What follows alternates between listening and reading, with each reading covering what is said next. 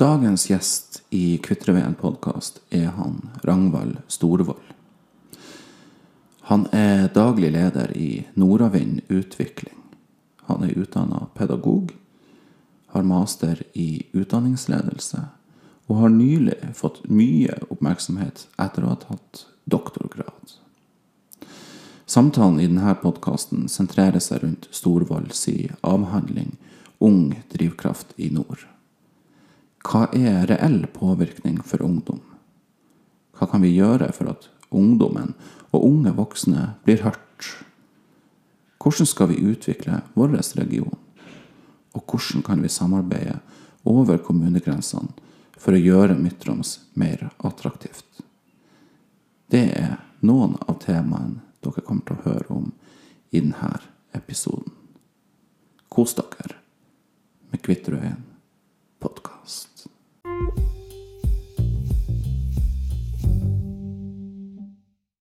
Yes, velkommen hit, eh, Ragnvald. Da starter vi bare. Hei, Vi takk kjører på. ja, eh, du har jo eh, nettopp blitt doktor, så det heter. Mm.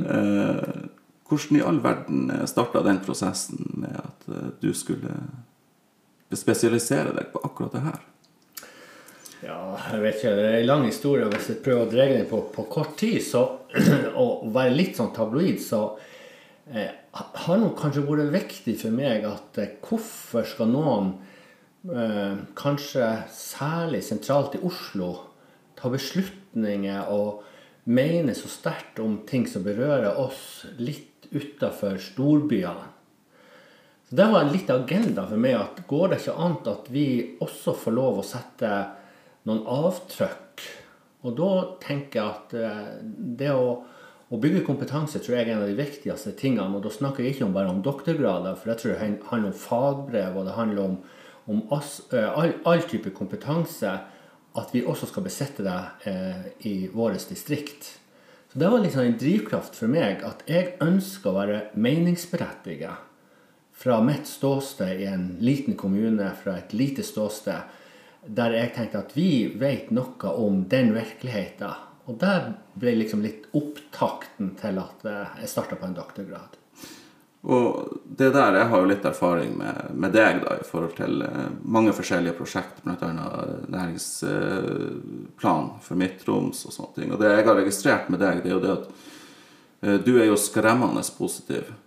Eh, og du har en energi som gjorde at når jeg hørte at det var nettopp du som, som heiv det rundt og, og, eh, og liksom starta et sånn her type prosjekt, eh, så ble jeg faktisk ikke overraska i det hele tatt. Jeg hadde nesten forventa noe sånt av deg. Okay. Og det, og det er jo det Jeg har også tenkt mange ganger når jeg har sittet og hørt på deg, at uh, jeg skulle ønske jeg hadde den energien som Ragnvald Storvold har. Eh, så jeg er utrolig glad for at du har gjort det her. Og, jeg har jo lest, eh, lest hele avhandlinga di, og det er jo masse spennende ting som står der. Eh, og du er jo også Det jeg også registrerer, det er jo altså det her med ung medvirkning. Det er jo blitt en sånn Det vet jo jeg erfaringsmessig fra politikken. Det snakker vi mye om. Men hva er egentlig ung medvirkning, sånn som du ser det? Ja, jeg først eh, re, re, repliserer litt på det du sier med å være positiv, så blir jo kritisert også i avhandlinga. Altså, det, det, det er jo fint å ha drivkraft og være engasjert og være positiv. Det mener jo de fleste av oss. Men samtidig må man ha et kritisk blikk. Og som forsker bør man kanskje i enda større grad Så det, jo, det har jo jeg fått som en del av kritikk både på artiklene og, og også på avhandlinga. At ser du, ser du de sporene, eller ser du, ser du i, i sidesynet at det er noen andre aspekt i, som man kan overse med, med å se mulighetsrommet? Det var nå bare for å hente den ned på jorda igjen. Det er ikke alltid bare positivt å være positivt. Altså Man må være reflektert på det. Eh, Så utfordrer du litt på, på dette med ung medvirkning. Jeg er helt enig i det jeg opplever du, du sier noe om at eh, det er jo lett å lage dette fyndord. Men jeg tror at vi står overfor ei gedigen utfordring, spesielt i vår landsdel. Eh, og den handler primært om eh, de to eh, de sterke utviklingstrendene. Det ene er at, at her er muligheten. Det er ingen som lurer på det. Det skaper så mye, og nå tar jeg ikke hensyn til korona. Det skaper så mye. Det er så, så sterke naturressurser. Det er så eh, mye mulighetsrom som, som åpnes i arbeidslivet. Men demografien og ungdomsperspektivet kaster et veldig dystert eh, lys over det. Og Derfor er jeg opptatt av at vi må forstå hvordan den utviklingsbiten der må bli annerledes framover. Og da holder det ikke med fyndord eller å liksom ta deg i festtaler. Vi må lage ordninger der unge medvirker der de bor, på andre måter enn vi har gjort fram til nå. Og når jeg sier, Det er viktig for meg å si at ung, det kan godt være at noen tenker på en 13-14-åring, og de er også en del av ungdomsgruppa. Men en 25-åring er også en ungdom. Eller vi, du har jo sittet i kommunestyret sjøl, Kai Erling, og du vet jo at det er ikke sånn kjempemange under 30 år. Og når man ser i, i kommunestyrer rundt om både i nord og i, i, sør, så er jo gjennomsnittsalderen langt over 30 år. Og der er jo òg noe hvordan skapes det engasjementet at de unge stemmene påvirker utviklingstrekkene. For da blir det annerledes, påstander fra meg. Og det er liksom litt det jeg har prøvd å dukke i. Hvordan kan vi lage bedre ordninger? Hvordan kan program som viser seg å bli bra, eh, i større grad gli inn både i offentlig sektor og også, også, i næringslivet? Sånn at vi forandrer litt av eh, strategien framover. Det var kanskje litt flåsete sagt, men, eh, men jeg, jeg, tror vi må forstå ungdomsmedvirkning annerledes enn vi har gjort fram til nå. Men tror du sånn reelt ut ifra den kjennskapen du har til kommunene, da kanskje i Midt-Troms, tror du at er det noen kommuner som skiller seg ut i forhold til eh, å tenke på det på, på, rett måte, da? For at min oppfatning er veldig ofte at vi har litt sånn eh, ja, hva skal jeg si, litt sånn skinnpåvirkning i forhold til, til, ungdom. At vi snakker mye om at det er viktig å høre på dem og sånn. Og min erfaring bl.a. fra Lenvik eh, gamle Lenvik kommune, var jo det at de kom, der kom ungdommen til kommunestyret med en sak. Eh, og så snudde hele kommunestyret opp ned på den, hørte rett og slett ikke på representanten. Og når saken var ferdig behandla, så sto alle og skrøt av hvor flott det var at ungdommen kom. Mm. Men det, realiteten var at de så ikke den, de ungdommene som var der. De var jo skuffa over det som hadde skjedd. Mm. Eh, og det, det, det er snakk om der, det er den der mobilfrie skole. Der ungdommen kom og ba om at kommunestyret skulle innføre en mobilfri dag. Mm. Og så endte man å totalforby eh, mobiltelefon. Eh, og det er ofte, Nå er det bare et enkelt eksempel, men jeg, jeg føler at vi gjerne i, i, de her eh, organene som på en måte skal beslutte, som skal lytte til ungdommen og sånn, at man, man egentlig hører bare med et halvt øre. da. Og hva slags strukturelle grep kan egentlig kommunene gjøre? sånn for, for, å bedre den situasjonen vi er i nå, da? Har du tenkt på det? Ja, Det er jo et stort spørsmål. og Jeg tror det er mange spor. Jeg, jeg, tror For det første så er det ikke bare kommunene det her er snakk om. Jeg tror Vi skal tenke aksen ungdom-næring mye sterkere enn vi har gjort. Og da, da tenker jeg Hvis jeg bruker en par-tre eksempler, så tror jeg at det illustrerer iallfall hva jeg tror på. Og, og mener at jeg har dokumentasjon i forhold til forskning eller andre deler, ikke bare i Norge og Norden, men også andre plasser der man ser at man har klart å tenke annerledes utenfor boksen.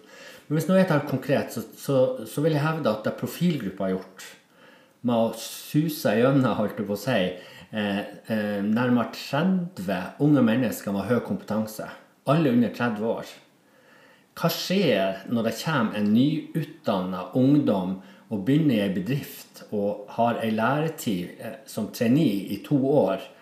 Og alle disse ungdommene har jo fått tilbud om jobb etterpå. Da tror jeg her skapes det igjen kan bli litt flåsete at man snakker om innovasjon, men det kommer ny kunnskap inn. Jeg tror det er et veldig godt eksempel. Jeg tror det er et annet som, eh, et godt eksempel med de kommunene. og der Jeg har jo lyst til å honorere Lenvik. unges kommunestyre tror jeg er en viktig greie. Og skal ungdom i den fasen av livet eh, erfare at de har medvirkning, så er det to faktorer som jeg mener er avgjørende. De må forvalte penger. Ungdommen må ta beslutning hvordan pengene brukes. Og det å dele ut midler til ungdomstiltak, eller om det initiativ på næringssida, eller gründere, eller eller festivaler eller eh, aksjoner som ungdom er med og setter i gang.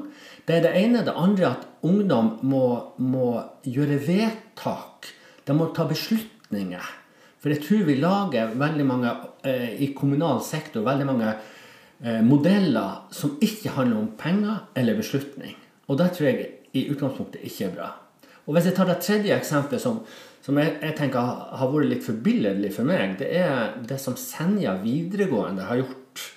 Eh, særlig med de unge menneskene og de sektorene de har bygd opp innenfor blå og grønn. Altså de som ønsker sjømat, eller jobber med sjømat, eller kompetansen som trenges i sjømatnæringa. Det vet jo alle i denne regionen, at her skjer det veldig mye. Eller landbruk. Hvordan vi skal tenke at vi skal forvalte eh, ja, alt det som skjer, holdt på å si, både knytta til skog, men primært i forhold til landbruk i vår region framover. Jeg tror personlig de to næringene er utrolig viktige.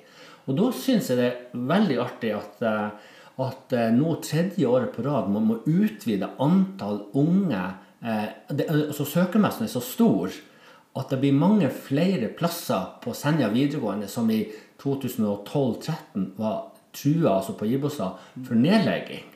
Så øker det antallet. Og da forteller vi at her er det noe, noe nytt på gang. Unge ser at framtida skapes og de er opptatt av både miljøperspektivet og hvordan vi skal drive såkalt bærekraft, eller hva er viktig. Og jeg tror Her kommer det inn noe ung kompetanse. og Jeg har lyst til å honorere både ledelsen på videregående og mange av de ansatte som jobber der. at Her er det masse kompetanse som bygges med våre 16-17-18-åringer. Men også har de masse kursvirksomhet, sertifisering av voksne. Om det er agronomer eller eh, skippere eller andre sertifiseringer som skjer både innenfor blått og grønt. Det tror jeg er liksom noe eksempel på at det er en, en ny måte å tenke hvordan man skal medvirke, medvirke til de endringene. Og dermed har jeg sagt at Det er ikke sikkert det er kommunene som er primært drivere på det. Her er det eksempler på videregående skoler eller eh, næringsliv med profilgrupper. eller, ja, ikke sant? Det, det, å forstå disse utviklingstrekkene i lag tror jeg kan skape endring. Ja, og der ser vi Vi har jo enorme muligheter nå i nord. Også de framtidige grønne næringene tror jeg kommer til å bli viktige i en sånn sammenheng. Og da må vi jo skape eh, noen arenaer der ungdommen ser mulighet, også ute her hos oss. Mm. Uh, og jeg tenker jo Det er jo et, et sånt viktig aspekt å videre jobbe med. Jeg er jo veldig glad for at, eh, at den blå uh, linja ikke For det, det, var fryktelig nært at den forsvant. Nettopp. Og, um, og det, jeg mener jo at, at det, rent politisk så, så, er det viktig at vi beholder de utdanningsinstitusjonene som egentlig er nesten noe designa for framtida og for framtidig vekst her, at vi beholder dem her hos oss. For eh, det er jo her arbeidsplassene er. Mm. Og det er noe med å få, få, folk til å gå på skole her. Uh, at de får den erfaringa, kjenner lokalsamfunnet og ser jobbene og framtidsmulighetene her. Det tror jeg er kjempeviktig. Men hva sier, hva sier, ungdommen, da? Du har jo snakka med og, og, gjort undersøkelser her i forhold til, til um, et ganske stort eh, antall ungdommer og unge voksne. Hva er det som er det viktigste for, eh, for ungdommen og unge voksne for å ønske å på en måte etablere seg akkurat her i vår region? Mm. Ja, hva sier ungdommen? Jeg tror ungdommen er like mangfoldig som oss voksne. Jeg, jeg, jeg vil si at jeg, jeg ser ikke sånn entydige svar. Men det som er helt klart, det er at ungdom det er mange flere ting enn en spennende jobb. Og, og jeg tror at det er en av de fellene vi har gått. Og jeg, jeg hevder fortsatt at det er en stor myte som har fått lov å leve de siste 20 årene, som mange fortsatt tror på, at bare det skapes arbeidsplasser, mm så blir befolkningstilflyttinga, og da kommer unger med kompetanse. Men i dag vet vi at det ikke er sånn det funker. Og da er det jo kanskje interessant å, å se at ja, arbeidsplassene skapes, det vet vi. Men eh, det er jo her eh, ja, en del forskere, bl.a. Kjell Arne Røvik, har jo brukt det nordnorske paradokset om akkurat dette. At nå skjer veksten i privat sektor, for å ja, legge litt trøkk på det, i nord mye sterkere enn i sør. Men befolkningsgrunnlaget, eller de som skal løse disse jobbene, har ikke kommet i takt med det, sånn som vi trodde for ti år siden. Og da må vi begynne å se på hva, hva er de andre faktorene. Og det, jeg tror personlig at det, det er dette som er, er det spennende. Og da jobber jo du innenfor kultur, kultursektoren, og jeg, jeg tror det er et alvorlig viktig lim. Altså, unge mennesker er opptatt av at det er flott natur, flotte jobber, og så. Altså, hva skjer etter klokka tre eller halv fire?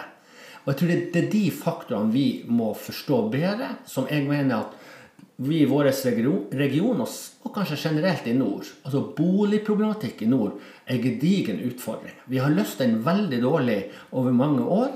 Det betyr at unge mennesker finner ikke den måten de ønsker å bo på. Og da er det ikke så interessant, alle de andre tingene. Eh, det samme er hvilket tilbud Altså eh, hvor, hvor, er de møteplassene for unge mennesker? Og da ser vi jo til og med på Finnsnes, altså byen vår, at her kanskje skulle man tro at det var enda lettere å få akkurat det der til å funke. Men unge mennesker, også i, i, i mine funn, og da snakker vi om dem som er over 20, de etterlyser hvor er møteplasser. Mm. Og møteplassene er ofte uformelle. Vi har kanskje noen, noen noen, eh, faste, organiserte greier, men, men, unge mennesker ønsker å treffe noen andre som er i litt samme situasjon. Og jeg tror vi har rigga en region hos oss i stor grad som vi tenkte at, folk kommer hjem til sine. Og det er veldig bra hvis du har ei bestemor eller noen som kan ja, Hvis du er familiemann eller, eller kvinne eller, og har små unger osv., så, så blir du kanskje inn i den det samfunnet som er. Men hvis du kommer alene som 25-åring og ikke har masse familienettverk, så tror jeg det er ganske krevende å etablere det og slå nok røtter. Mm. Og jeg tror at her ligger det noen ting som vi må i større grad se eh, i, i, større sammenheng. At, at, unge mennesker med høy kompetanse de forventer noen flere ting. Det er noen, noen element som betyr noe. Skal de, eh, etter å være der over en tid og kanskje som trainee. Det er jo der vi ser at traineene eh, de kommer for de får spennende jobber. Men om de blir, det er en annen faktor. Mm. Eller det er man, man, flere faktorer som vi må eh, forstå bedre.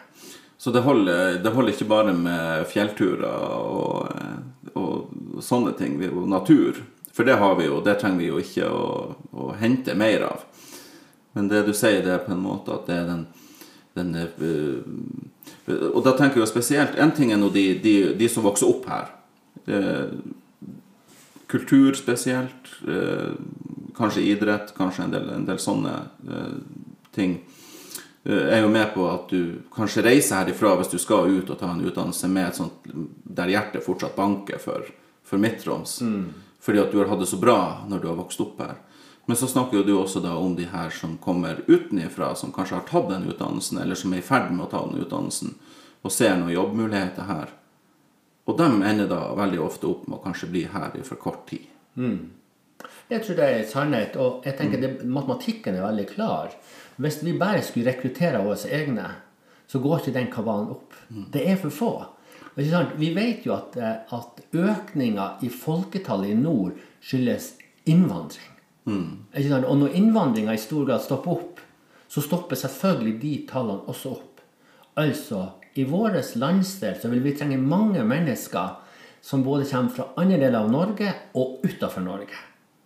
Og da er det jo at kanskje de har noen andre behov, eller med å forstå det, den ryggsekken de da kommer med, skal de vurdere at dette er viktig på sikt, eller å tenke over tid så må vi oppfylle noen flere ting enn eh, en det som kanskje gjelder for, for, de som har vokst opp i denne landsdelen, og som velger å komme tilbake. Hvordan kommer vi dit, da? Hvordan kommer Midt-Troms i en sånn posisjon at uh, Vi har jo egentlig mange sånne infrastruktur som på en måte ligger i bunnen. Vi har flyplass, og vi har hurtigruter som går forbi, og vi har naturen som vi har snakka om, og vi har jo Finnsnes. Eh, som et, eh, et, regionsenter på veldig mange områder. Men hva er liksom det neste steget? Hva må vi få til for å nettopp skape den her mm. eh, det, det suget etter å komme hit. Nå har jo han, eh, redaktør Henriksen i Folkebladet snakka om Tromsø-suget. Mm. Klarer vi å lage et Midt-Troms-sug? Og hvordan, hvordan skal vi få det til? Ja, det, det, er jo et stort spørsmål. Og mm. eh, hvis nå jeg er liksom litt freidig i forhold til det, så tror jeg at kunnskap om disse prosessene er første bud. det er kollektiv bevissthet. Altså at vi både, både politikerne og ledelsen og næringslivsledere altså at vi forstår det bildet eh, i større grad likt. Altså Har man en oppfattelse av hvordan ting er, og det er mytebelagt, og det er bygd på feile premisser, så skjer ingen endringer. Så jeg tror det er forutsetninger. Og, og dermed så, så, tror jeg jeg løfter fram det som kanskje blir liksom ja, blir kritisert fra en del folk, men, men jeg tror at eh, regioner som utvikler seg, det handler i stor grad om kunnskap. Så det at vi har studiesentre med 300 personer som tar studier, altså de, i stor grad så har de jobba og bor i et lokalsamfunn og bygger ny kompetanse, det tror jeg er uvurderlig. Det tror jeg er kjempeviktig. Og hvis min doktorgrad kan være med en sånn liten døråpner, at vi f.eks. får flere nærings-ph.d.-er, altså mer forskning og innovasjon og, og forståelse i det næringslivet vi har, så tror jeg det er òg en, en, måte å trekke til seg kunnskap På samme måte som jeg prøvde å si noe om, om dette med traineene. Det, altså, det er ikke bare unge mennesker som kommer og gjør en jobb i en bedrift, men de har med seg noe. Og jeg tror det å få, eh, få, litt av de impulsene inn i vår region er veldig bestemmende for utviklingstrekk.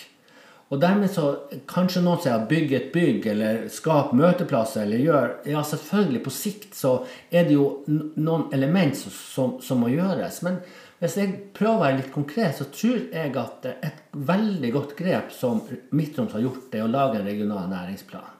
Eller starte et lederutviklingsprogram for unge mennesker som heter Empower, som vi har gjennomført med ett kull og starte det neste. Altså det faste, klare eh, satsinger som, som, gjør noen grep der. Næringsplanen bærer bud for meg om at en region står i lag og ser noen av de samme utfordringene noen av de samme mulighetene. Og det skulle vi kanskje ha gjort på flere områder. Jeg tenker Hvis vi hadde en eh, klarte eller hadde politisk vilje til å si at vi skal lage en felles boligforståelse for hele regionen Vi vet jo at mange som jobber f.eks. i din kommune, altså i Senja, har en stor innpendling. Hver tredje som jobber i vår region, de bor i en kommune og jobber i en annen. Og Da er det jo spørsmålet hvor skal jeg bo og hvor skal jeg jobbe. Det er ikke sånn som det var før, at jeg bodde og jobbet på den, på den samme plassen i stor grad. Så det der å tenke kollektivt, det å se regionen og forstå det som er helhet Jeg tror at her ligger det noen, noen muligheter, så vi må djerve politikere som kanskje ser at vi skal ha en felles landbruksplan. Vi skal ha en felles eh, boligsatsingsplan. Vi skal ha noen felles strukturer som forplikter oss til noen retninger der vi ivaretar, akkurat sånn som du sier, at vi har god infrastruktur. Bardufoss flyplass er fantastisk viktig i forhold til alt det som blir å skje framover. Og den må vi jobbe hardt for å, å bevare. Eh, og da handler det ikke bare om Bardu-Målselv, eller liksom der flyplassen ligger, men det er hele regionen. Og på samme måte så er hurtigbåten og de veiene vi bygger, og, og den infrastrukturen vi, vi bor i, et, i, en region som har fantastiske muligheter framover, men vi må tørre å gjøre djerve løsninger framover også. Mm. Og det er jo der eh, det, Jeg er veldig enig i det du sier der. Og, fordi at vi er, vi er jo ikke større enn vi er. Eh, og i Midt-Troms så har vi liksom eh, et sett med kommuner som har forskjellige styrker. Eh, og så står vi litt imot de store eh, kommunene i nord og i sør i fylket. da. Eh, men skal vi klare å på en måte ikke bekjempe de kommunene, men å, å ta opp konkurransen og være liksom på banen, så tror jeg det er viktig at vi, vi ser mot, over kommunegrensene. Mm. Det som er Problemet der er jo det at da begynner jo enkelte å tenke på skatteinntekter og boinntekter. og Man blir veldig fort veldig sånn meg, meg sjøl først i tankegangen. Og det tror jeg er også sånn, en sånn eh, kamp vi er nødt til å ta politisk for å, for å få alle til å åpne øynene og se at ok, det, det er sammen at vi, vi, klarer å løse de, de her tingene. Uh, ja. I avhandlinga di så skriver du mye om hun Greta Thunberg. Mm. Hva er det med hun som fascinerer deg sånn? Ja, hun er jo en, eh, ei ung jente, 15 år, eh, og, og kanskje litt utgangspunktet hennes For hun var veldig kritisk til politikerne. Eh, eh, så det, det, det, var nok et utgangspunkt som trigga meg. At hun sier at de har kunnskap, og så gjør de ingenting med det. Og jeg tror der ligger noe der, der unge drivkrafter. Altså at eh, um, Greta Thunberg ble for meg, og derfor prøvde jeg å lage henne som, i, i, i kappa som en, en, si, en, en sånn rød tråd som viser at eh, hun er i stand til å sette i gang en gedigen bevegelse. Der masse ungdommer i masse land sant, tar opp noe av den tråden og kjemper for saker som er viktige. Og jeg har møtt mange Greta Thunberg i min undersøkelse. Jeg, det er jo den sterkeste opplevelsen gjennom dette arbeidet jeg har fått gjort. Det er jo den krafta som bor i mange av de unge menneskene som jeg har vært i, i intervju med eller samhandla med gjennom avhandlinger. Så her er det mange mennesker, mange unge mennesker som vil noe for framtida. Som også er kritisk til både de beslutningene vi gjør, og, og de mangel på veivalg, eller at vi ikke er tøffe nok. Og det er akkurat denne krafta jeg prøver å tenke hvordan skal vi få den legitimt? Hvordan skal den Eh, stemmen høres. For Greta Thunberg, på samme måte som mange av de unge menneskene hos oss, de har ikke stemmerett. De har ikke en, en plass å adressere det. De må på en måte stå på førstesida av avisen i den grad avisen er interessert i å få protestene og si ifra om eh, eh, hva som er galt eller ikke. Og Det er jo selvfølgelig miljøsaker med Greta Thunberg, og, og det gjelder egentlig utrolig mange av våre ungdommer også. De er bekymra. De, de, de, ser alvorlig på noen av de manglende grepene vi gjør i forhold til deres framtid og deres ungers framtid. Men det er jo også andre saker. Og det, det, jeg tror at her ligger det muligheter. De som ser at eh, det er kunnskap hos disse eh, unge menneskene, den kan brukes til noe mer enn å ta fram i en festtale, eller som, som eh, leder av regionalt ungdom, ungdomsråd eh, hevda fra talerstolen i felles kommunestyremøte at vi er ikke pynten på kaka. Det er ikke bare når vi skal pynte og vi skal vise at, eh, at det ser bra ut, at dere skal bruke oss.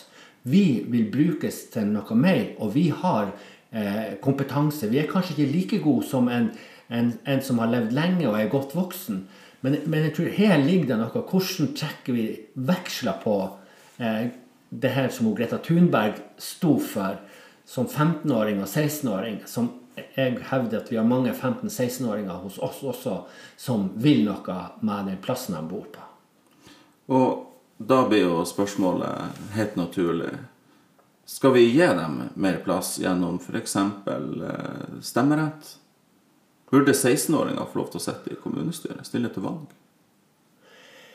Ja, det, er så lett å dette inn, syns jeg, i, i sånn um de ordningene vi kjenner. Eh, og jeg har jo prøvd å gjort litt analyse. For ikke sant, for fem år siden så hadde, var det ingen formelle organer. Det var ikke pålagt av Ungdomsrådet, et medvirkningsorgan for ungdom. Så det er jo litt artig i løpet av avhandlinga mi å se at ja, i 2018 kom lovforslaget, og i 2019, det er så nylig, så er det bestemt at ingen kommuner kan velge seg bort ifra det. Så det er jo faktisk i fjor at det, er en legitim ikke sant? Så Man gått fra det helt uformelle til å bli noe formelt. Men det jeg eh, hevder, det at det holder ikke å, si at det formelt er det nå på plass at det skal være sånn. Men det reelle, altså hvilken måte gjør vi det på? Og da sier jeg ja, kanskje at stemmerett til 16 år kan være én vei å gå. Jeg tror ikke det gir svar på alt. Og jeg er ikke sikker på at ungdom heller vil jobbe på samme måte som jeg som godt voksen tenker. Jeg tror ikke ungdom tenker primært at de skal sitte i en kommunestyresal og drøfte saker. Jeg tror vi skal tenke mye mer aktivitetsbasert. Altså Ungdom skal være med å utvikle noen produkter, noen tilbud, noen tiltak som betyr noe for dem eller annen ungdom.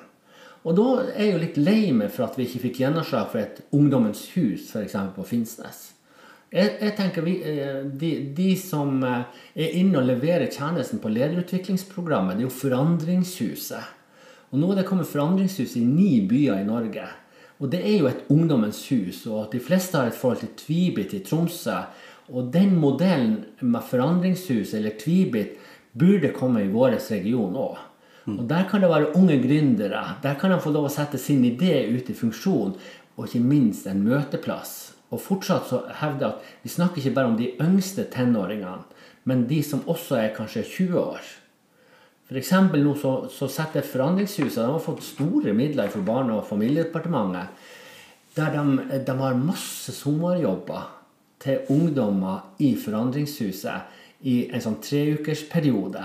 Nettopp for å fremme gründervirksomhet eh, og, og, og sette ungdom i stand til å skaffe seg ny kompetanse for å komme inn i arbeidsmarkedet. Og jeg skulle ønske at vi klarte å få noe, eh, en, en lignende eh, struktur til. Og da ser det sånn som jeg forstår det, så tenker jeg at det er på Finnsnes det burde være. For ungdom både i Sørreisa og Dyrøya og regionen rundt, at, at her er det en plass som det kan vrimle av kunnskap og ideer og aktiviteter. Mm. Og da prøver jeg å se at kanskje den type medvirkning er sterkere enn å sitte i et kommunestyre som 16-åring. Eh, og jeg sier ikke at det trenger å være feil, men jeg tror det må prøves ut. For det må være andre modeller enn det vi tradisjonelt tenker på politisk virksomhet. Sånn som jeg ser det. Eh, mitt, eh, mitt argument for 16 år eh, stemmerett er Jeg mener hvis du har stemmerett, så bør du kunne stille til valg. Det er nå det ene. Men egentlig så, for meg så handler det om noe annet. Og det er det at hvis du gir 16- og 17-åringer stemmerett, så tvinger du egentlig de voksne til å ta den generasjonen litt mer på alvor. For plutselig så har du noen velgere der ute som du faktisk er nødt til å levere til og lytte til. Godt poeng. Uh, og jeg tror kanskje i dag, og spesielt det ser jeg jo her på her i Senja, da, og, og med erfaring gjennom Lenvik-politikken, så har vi en sånn slags virkelighet der vi har de her 16- og 17-åringene som går på videregående, og så blir de russ og 18 år, og så fyker de ut og, og tar utdannelse. Og, og, så kommer noen av dem hjem når de er i slutten av 20-årene. Eh, jeg tror vi hadde, hadde Jeg har en sånn, i hvert fall en idé om at kanskje man kunne engasjert de mer i den perioden de er her. Vi, vi mangler de der tidlig 20-år-generasjonen. De, mm. de, blir på en måte litt borte for oss. Og da blir det også litt lett å overse den yngre generasjonen i de beslutningene som skal tas i, uansett om det er kommunestyret eller, eller bedrifter eller hva som helst. Mm. Så eh, det var egentlig bare det som var, var min tanke. Det, det, jeg tror det er det sterkeste argumentet jeg har for 16, 16 år i stemmerett. Mm. Ja, altså, jeg, jeg, vil bare bekrefte at, eh, at jeg, jeg, tror for vår region så det å forstå det grepet som bør skje på ungdomsskole og videregående. For vi har jo et hold når vi kommer til 18-19-åringer og så til 25-åringer. Og, og da, da, kommer de plutselig tilbake, hvis, hvis, de velger å komme tilbake. Og selvfølgelig, noen velger å ta en kortere fagbrevutdanning eller velger å være her, men i stor del så flytter jo mange ungdommer ut en periode. Og jeg tror vi gjør for dårlige grep mens vi har dem hjemme. Og den ryggsekken med å være involvert i stedsutvikling og være involvert i i beslutninger som ikke bare berører dem, men også deres lokalsamfunn, har de vært med på det fram til de er 18, så tror jeg de sett noe sterkere eh, eh, eh, som, som, følger med dem, om de nå velger å bo i en helt annen verdensdel, eller se mulighetsrommet med å både komme tilbake eller kanskje bidra fra der de er. Og Det har jo også lyst til å løfte fram at eh, jeg, tror vi må forstå den eh, måten vi blir å, å leve på framover, eller våre unge blir å være, så, så, vil veldig mange flere ha, ha flere, flerstedstilknytning. Kanskje bor de i New York i perioder av livet, eller av året. Og så er de på Finnmarksvidda i, i andre perioder. Og Dette tror jeg òg er en sånn vanskelig omstilling for oss eh, med å tenke at en jobb er ikke en jobb sånn som den var. Altså Veldig mange jobber kan gjøres gjøre stedsuavhengig og følge med der, der, du er. Og Hvis man da har sterke linkinger til eh, mennesker som løser disse jobbene, så, så eh, kan han kanskje bidra. Altså, Mitt lille firma der vi er Dyre i Nordvind Utvikling, så har vi en mann som bor i Australia, som har jobba med, med nettsider og, og, den tekniske delen i, i, mange år. Og det er jo ingen problemstillinger. Det er jo en nordmann, da, men han har, bodd i Australia i mange, mange år. Det fine med at han er der, det er at han jobber når, vi har dag, så har han natt, og motsatt. Så når vi løfter fram en problemstilling og vi går hjem fra dag, eh, arbeidsdagen, så er det en lyst til vi kommer på jobb neste dag. Så, og, og, det forteller noe om at man kan, man kan eh, ha en tilknytning til sted om man bor en annen plass. Nå kompliserer jo kanskje dette litt, men, men jeg, jeg tror det òg å forstå eh, de trekkene annerledes enn gjort før. Altså Alle blir ikke å bo fast på en plass eh, og, og, og telle med i, i eh, folketallet på den måten. Det, det vil bli annerledes framover. Og det, der er det jo litt artig, for det her skriver jo du mye om i den avhandlinga di. Og den skrev du jo i fjor. Og så kom korona. Ja. Og så ble på en måte det virkelighet. Mye av det du skriver om altså, Eller ikke virkelighet, det har jo vært i virkelighet over tid. Men det ble mer tydelig for oss alle sammen, akkurat det her. Nettopp. Og ja, Jeg tror vi har lært av, av alle de negative tingene med en pandemi, så noe av det positive vi har lært, og kanskje som vi kan eh, i vår region, da, for det, det passer egentlig veldig godt inn i vår region, så er det jo akkurat det der med stedsuavhengige arbeidsplasser. Det tror jeg kan bli en nøkkel i framtida. Absolutt. Det var litt artig at bedømmelseskomiteen eh, Min avhandling ble jo levert for jul i fjor. Og da bruker bedømmelseskomiteen tre måneder på å, å gi beslutning om den er såkalt verdig til en offentlig disputas. Og de beskriver også dette med korona. At problemstillingen problemstillinger som løftes fram, aktualiseres på en helt annen måte. Eh, eh, og jeg, jeg, jeg tenker Hvis jeg bare bruker ett eksempel, så, så syns jeg at jeg er veldig stolt over norsk skole. Norsk skole som, eh, hvis noen hadde fortalt eh, på forhånd hvordan man kunne drive skole i flere måneder, eh, stedsuavhengig og ta i bruk digitale hjelpemidler der man ikke var forberedt og bud, så tenker jeg det har jo vært en så bratt læringskurve. Og jeg er jo en av dem som mener at det, det er kjempeviktig med, med å, å, å, være i lag og fellesskap og, og sosiale sammenhenger. Så alle, alle, er nok opptatt av at det har jo vært en mangelvare. Men jeg tror vi har lært noe som vi kan dra veksler på videre framover. F.eks.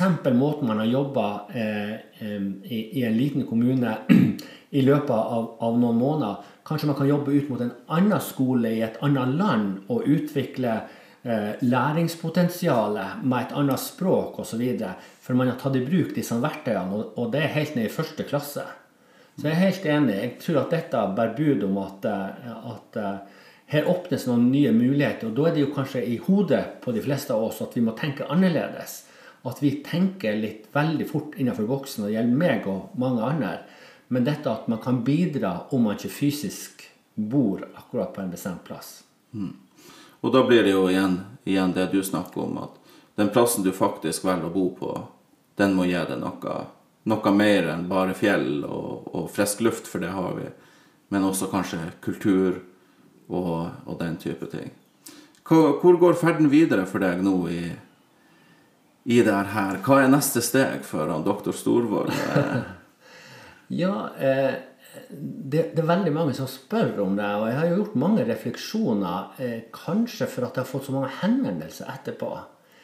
Eh, at eh, jeg tenker at det, det, er jo mange som gjør eh, forskningsarbeid og, og eh, holder på med noe som kanskje blir litt viktig. og eh, Hvis nå min, min, avhandling bidrar på, på en litt positiv måte den døråpner for dyremiljøet og også midtromsmiljøet, så tenker jeg at det syns jeg er belønning, eller det syns jeg er eh, spennende eh, og, og, noe som er kanskje min ferd videre. At jeg vil gjerne være den døråpner. Og når jeg da får henvendelse bare for å se på kultursida om, om, om, å bli med i styret til Hålogaland teater, for at strategien på ungdomssatsinga stemmer som av min avhandling, så tenker jeg hm, hadde jeg tenkt det var en, en, eh, en, en vei videre med, utgangspunkt i avhandlinga. Eller at byer på Nordvestlandet, Molde, Kristiansund og Ålesund jobber i lag i et tettstedsprogram for byene og finner avhandlinga mi spennende. Om jeg kan komme dit og møte styringsgrupper, ordførere og rådmenn. For de har ikke klart å knekke koden på hvordan ungdom skal medvirke i disse byene. Og da tenker jeg, Det forteller meg at det er et allment ei allmenn utfordring. Det er ikke noe hokus pokus hvordan man trekker ungdom eh, i sterkere grad med. Så jeg tenker noen av de henvendelsene tror jo jeg betyr noe for nordavind utvikling og det arbeidet vi står i. Og vi er knytta opp mot universitetet, mot ei litt større satsing der ungdomsforskertanken skal komme inn litt mot bedrifter. Og kanskje blir det også en realitet. Og da tenker jeg at det er veien videre. Det er at hvis dette kan åpne noen mulighetsrom eh, Og da vil jeg fortsatt si at for meg har det aldri vært en sånn idé om å ja, få en amanuensisstilling på universitetet og ta en flytteprosess, men det å bruke kunnskapen ut ifra det, det ståstedet vi har. Og, og, da tenker jeg at studiesenter der jeg har fått lov til å, å, å ta doktorgraden, at jeg, jeg, vil gjerne være en, en, en samspillspartner med dem i, i betydningen å se kan vi rekruttere flere. Er det noen andre satsingsfelt i lammet med, med, med universitetet, med, med, med, forskningsmiljø, som vi kan knytte inn til vår region, så tror jeg noe av dette er viktige framtidstrekk som jeg håper å få lov å være litt med i. Da eh, vil jeg bare si tusen takk for at du kom hit til meg. Jeg syns det var en veldig fin måte å avslutte podkasten på. Og eh, så er jeg jo veldig glad for Det hadde jo vært ei fallitterklæring, da, selvfølgelig, hvis du hadde uh, gått ut for å ta uh, en sånn type utdannelse, en, en doktortittel, og så hadde du endt opp med å ikke komme hjem. Det hadde jo vært forferdelig trist. Veldig enig. Takk for at jeg fikk lov å komme. Takk for at du kom.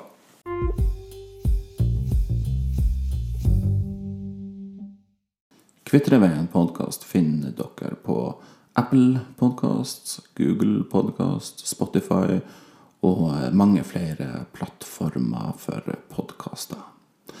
For all informasjon dere trenger, vil jeg anbefale dere på det sterkeste å gå inn på Facebook. Søk på Kvitreveien podkast, og trykk 'lik' på sida mi. Der vil dere få all den informasjonen dere trenger, både linker til episoder, Eh, når ting kommer ut, hva som har vært, hva som kommer, og ikke minst hvor dere kan høre podkasten. Kos dere.